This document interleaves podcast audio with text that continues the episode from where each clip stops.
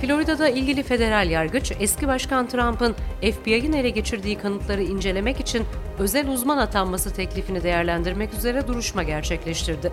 Hakim kürsüden bir karar vermeyerek kararı erteledi.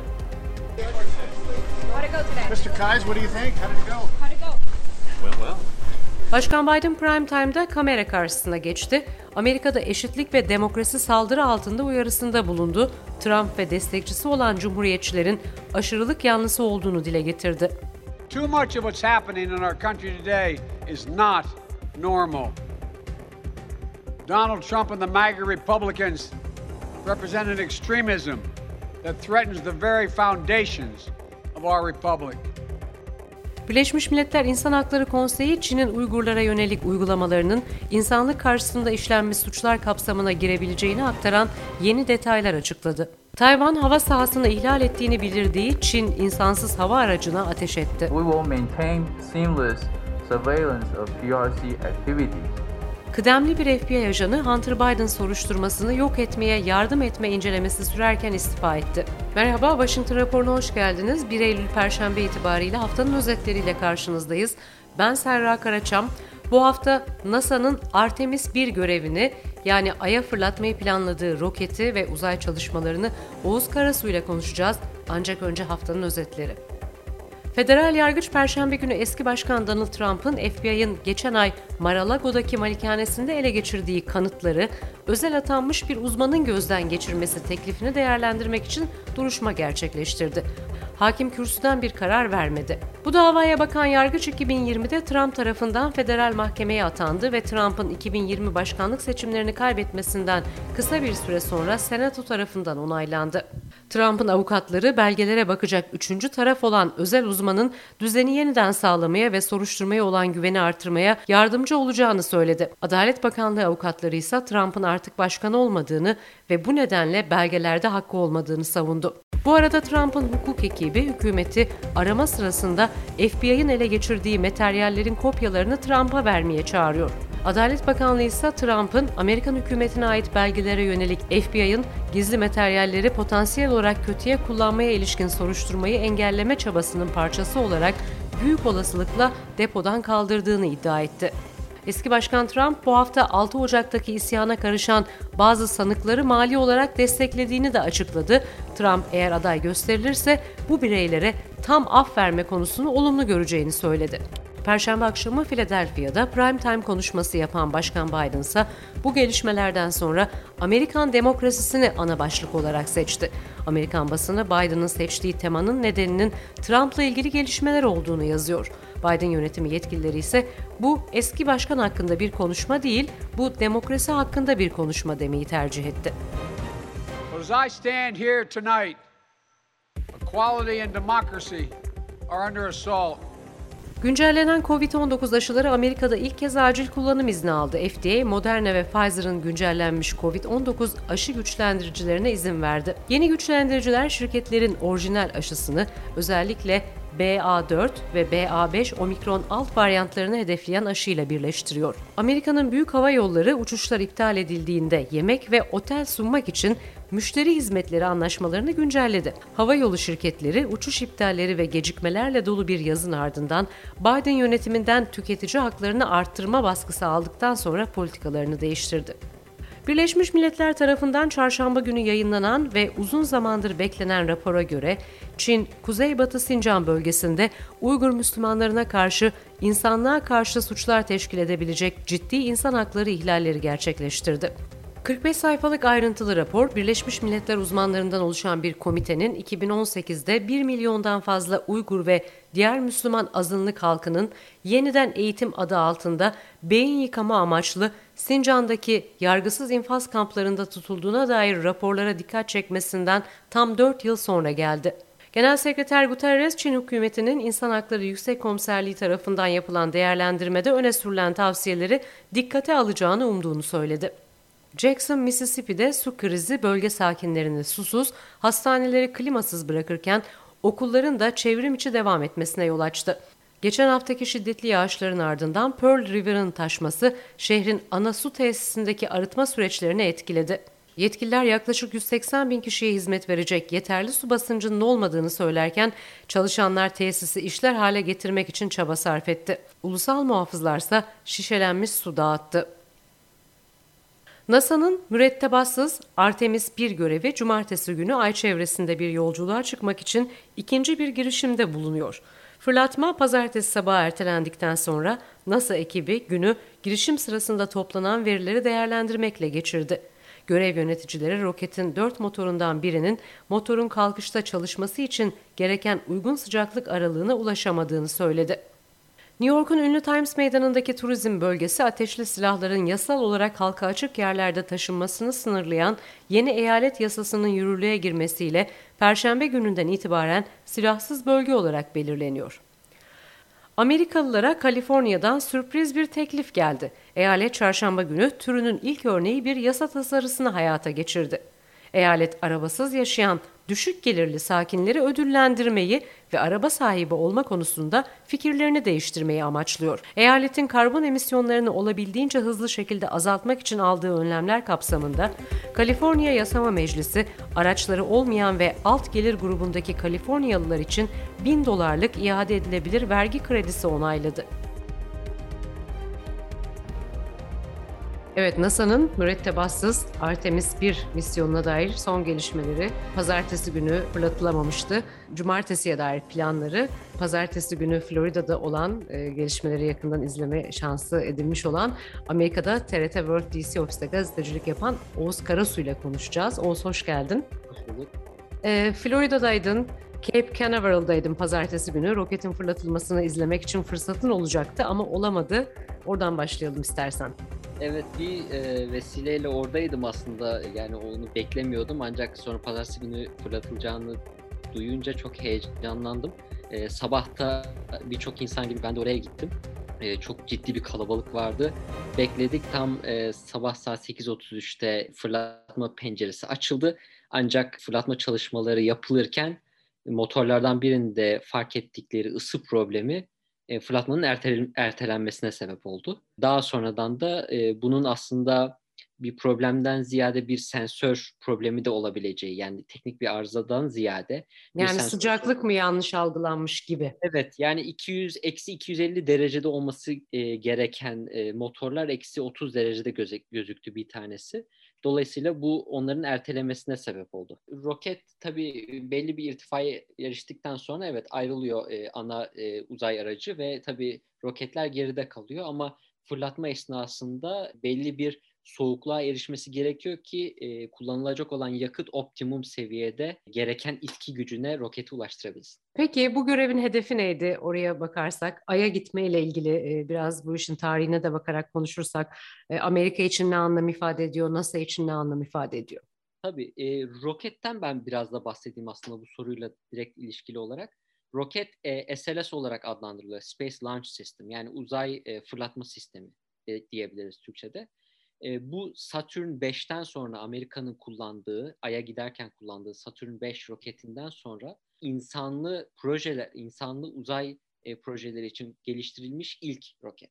NASA'nın şu anda geliştirdiği en büyük roket olma özelliği. Ama bu insansız bir misyondu. Evet, bu şu anda insanlı olacak, daha ileride yapılacak olan insanlı e, projenin, misyonun e, test versiyonu aslında. Yani şu anda aslında aynı e, araç gidecek ancak insansız olarak gönderiliyor ve oradaki kondisyonun testleri yapılacak bir anlamda. Gidecek olan astronotlar da daha önce karada e, bir deneme gibi süreç geçiriyorlar mı? Tabii her e, projenin kendisine ait farklı özellikleri oluyor. E, gerek projenin zamanı ile ilgili veya kondisyonları ile ilgili. E, onlar uzun dönem e, bu farklı kondisyonlara yönelik eğitimlerden geçiyorlar. Bu arada SLS yani Space Launch System e, sadece Ay için değil aynı zamanda Mars, Satürn ve Jüpiter'e de gitme kapasitesine, kapasitesine sahip bir roket. E, farklı konfigürasyonlarla birlikte e, farklı gezegenlere yapılacak olan e, misyonlar için uyarlanabiliyor. Dolayısıyla çok yüksek... Yani Mars'a da bu, bu, bu roket mi gidiyor Mars'a? E, Mars'a bu roketin de gitmesi beklenebilir. Aynı zamanda Elon Musk'ın ge- geliştirdiği Starship e, ismindeki e, roketle de gidebilirler. O şu anda biraz muamma. biraz SpaceX'in geliştireceği teknolojiye bağlı. Eğer onlar gerçekleştiremezlerse büyük ihtimalle bu kullanılacak evet. Şöyle aslında NASA yani son 30-40 senede çok ciddi anlamda özel sektörden yardım alıyor. Çünkü bu teknik, teknolojik bir sektör nihayetinde ve küçük işletmeler veya orta büyüklükteki işletmeler çok daha az maliyete, çok daha yüksek teknoloji ürünleri üretebiliyorlar. Dolayısıyla NASA böyle bir e, yöne evrildi ve SpaceX gibi, Blue Origin gibi yahut e, Boeing gibi ve hatta e, sahibinin Türk olduğu e, e, Sierra Nevada şirketi gibi e, şirketler gerek e, insanlı gerek insansız kargo faaliyetleri olsun e, NASA'nın ihtiyaçlarını karşılayabilecek kapasiteye eriştiler gerçekten. Kargo araçları üzerinde çalışıyorlar Sierra Nevada ama ileride sanıyorum ticari olarak da istasyonuna veyahut ha. Ay'a yönelik e, kargo misyonları ha, onu açmak e, gerçekleştirebilecek e, kapasiteye eriştiler. Evet. Biz hep Mars'ta hayat var mı? Mars'ta yönelik incelemeleri konuştuk. Ay ile ilgili son denemelerin ardından bugün bu misyonu nasıl e, görmek lazım? Ay'a dair durum ne? İkisinin e, açısından baktığımız zaman Ay'da keşfedilecekler veya Ay'daki insanlı misyonla işte Mars'ı daha çok konuşuyor olduk uzunca bir dönem. Nasıl bakıyorsun?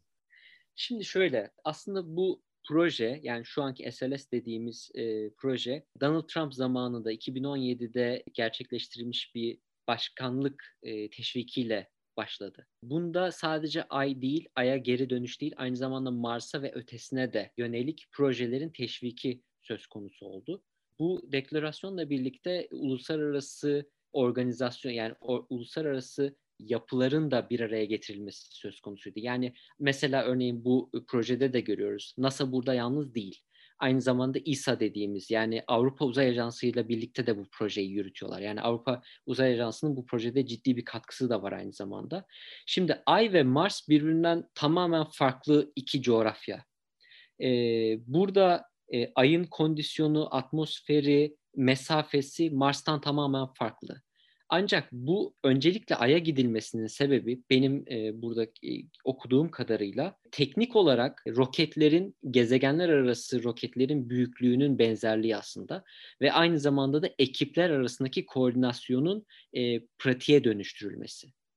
Yani burada e, daha ileride yapılacak olan ve daha büyük riskler içeren Mars projesi gibi e, projelere hazırlık için bu e, ben NASA'nın e, diğer kurumlarla birlikte e, bu tarz çalışmaları birlikte yapabilme kapasitesini e, pratiğe dönüştürme imkanı olarak görüyorum Ay projesini. Dolayısıyla aslında yani ikisinde de şu anda yaşam yok. Su olduğunu biliyoruz e, Ay'da.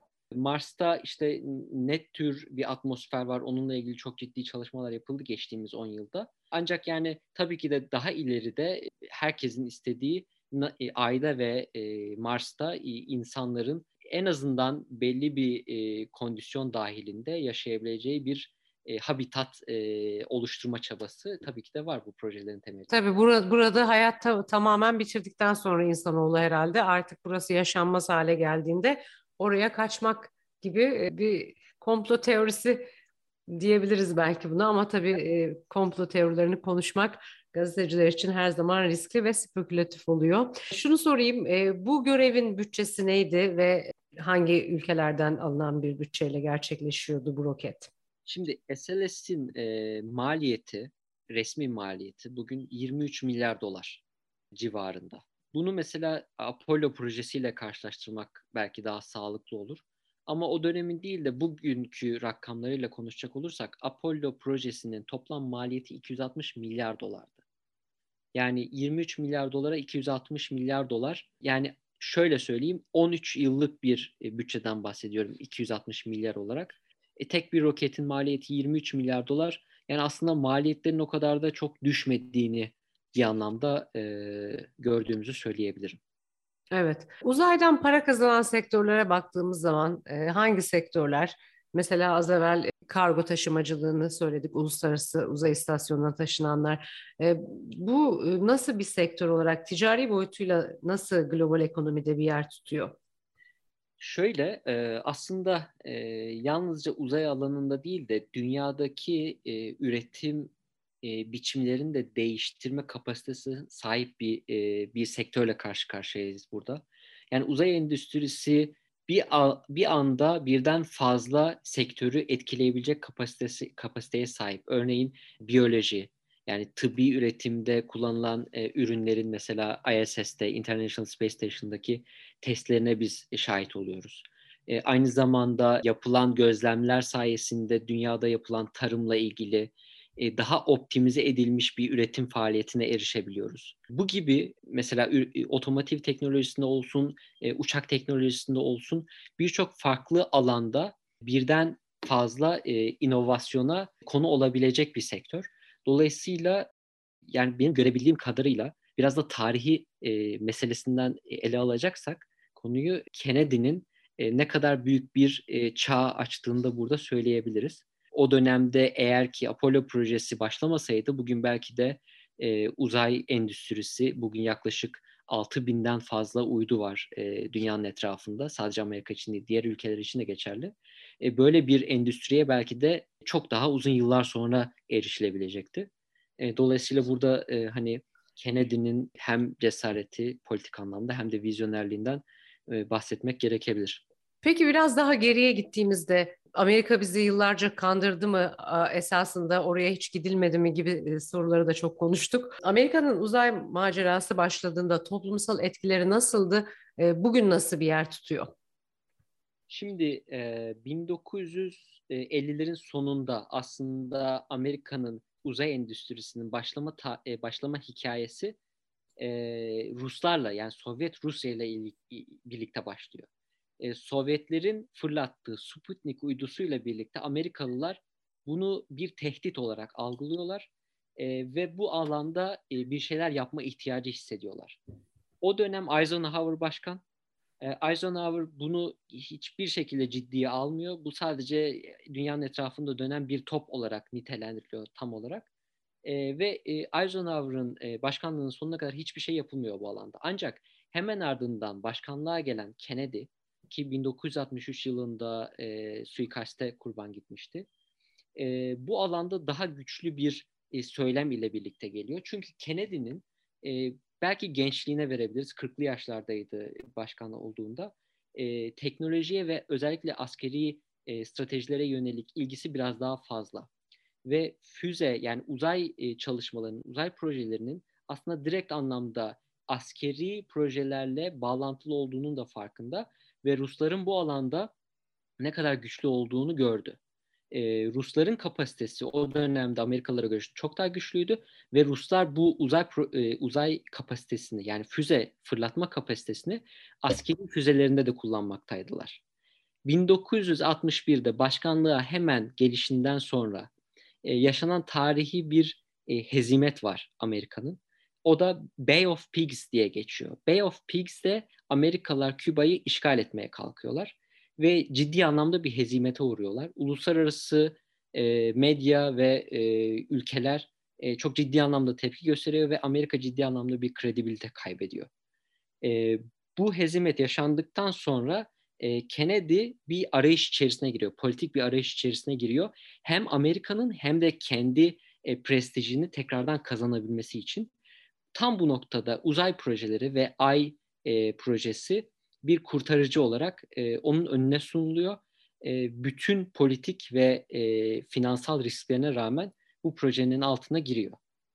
E, devamında şunu da söylemem gerekiyor. E, Kennedy bu e, süreci o kadar akıllı bir şekilde kullanıyor ki hem iç e, politikayı e, bu projeleri desteklemek için e, güçlendiriyor ki bu projeler o dönemde Amerikan ekonomisinin gayri safi milli hasılasının yaklaşık yüzde dördüne kadar yükseliyor. Çok ciddi bir bütçe ayrılıyor e, Apollo projesine ve aynı zamanda bu projeyi soft power dedikleri e, uluslararası ilişkilerde yani yumuşak güç olarak Rusya'ya karşı, Sovyet Ruslara karşı da kullanıyor. Hatta 1962'lerde e, yanlış hatırlamıyorsam Khrushchev'le buluştuğunda ona e, Ay'a Ruslarla yani Sovyetlerle birlikte gitme teklifinde bulunuyor. O dönemde ciddi anlamda bu teklif Amerikan ve Sovyet e, ilişkilerini yumuşatıyor. E, ancak bu tabii gerçekleşemiyor. Maalesef 1963'te yaşanan suikastle birlikte e, Rus-Amerikan ilişkileri tekrardan sekteye uğruyor ama e, Apollo projesi devam ediyor ve 69'da e, teknik verilere göre Amerikalıların Ay'a ilk adım attığını görüyoruz. Bir taraftan da bu e, cumartesi günü tabii launch fırlatmaya yine odaklanmış durumdayız. 18-17 e, GMT gibi pencere açılacak bu sefer. Bu konuda pazartesiden cumartesiye alındı. Bir de 5 Eylül için bir yedeklenme, yedeklenmiş tarih olduğunu görüyoruz. Sence cumartesi günü olabilecek mi? NASA da biliyor mu? Yoksa onlar da o anki koşulları çok da emin değiller. Yolda bakacağız gibi mi?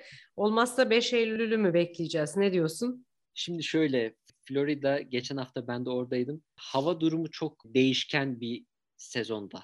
Yani ne demek istiyorum? Ee, şu anda hava sıcak ancak yağmurlar ciddi anlamda bir anda başlayabiliyor. Dolayısıyla e, biraz e, belirsiz bir e, hava durumu söz konusu. E, ancak cumartesi günü için, e, 3 Eylül için e, hava durumundan oldukça e, yani e, beklentileri yüksek. Yani fırlatmanın gerçekleşeceğine yönelik bir beklentileri var. Eğer olmazsa yani tabii başka e, birçok orada teknik olarak kontrol edilen e, bu fırlatmanın mümkün olması için gerçekleşmesi gereken birçok fa- birden fazla etken var. Bu etkenlerin hepsi e, başarılı gözükürse o zaman e, fırlatmayı tabii ki de bu imkanı kaçırmazlar. E, ancak olmazsa pazartesi günü olacak. Bildiğim kadarıyla 6 Eylül bu ay için pencerenin son günü gibi gözüküyor. 6 Eylül'den sonra sanıyorum istedikleri lokasyona gönderebilecekleri yörünge imkanını kaybediyorlar bu ay için. Dolayısıyla e, biz de hep birlikte göreceğiz. Konu gazeteciler için de oldukça önemli. Medyada sürekli canlı yayınlarını buna göre ayarlıyor. Bazen de işte hayal kırıklığı olabiliyor tabii ki. Son bir soruyla kapatmak istiyorum. Bu uluslararası uzay üstünden Rusların ayrılmasını konuştuk birkaç hafta önce. O konuya dair yeni gelişme nedir ya da e, son gelişmeler aynı mı hala her şey? Ruslar 2028'e kadar e, yine Uluslararası Uzay İstasyonu'nda e, kalacaklar ancak daha sonrasında Uluslararası Uzay İstasyonu'nu destekleyip desteklemeyecekleri belli değil. Aynı zamanda Çinlilerle birlikte e, bir uzay istasyonu girişiminde de bulunabilirler. Bildiğimiz kadarıyla zaten Çinliler şu anda kendi uzay istasyonlarına da sahipler. Ancak Ruslar belki orada e, bir e, yer değişiminde bulunabilirler diye bir beklenti söz konusu. Oğuz Karasu teşekkürler. Belki de bir sonraki sefere olmasa da çünkü bu cumartesi gitmeyeceğini biliyorum ama bir başka fırlatmada yerinde görme şansın olacağından şüphem yok. Kolaylıklar diliyorum. Teşekkür ederim.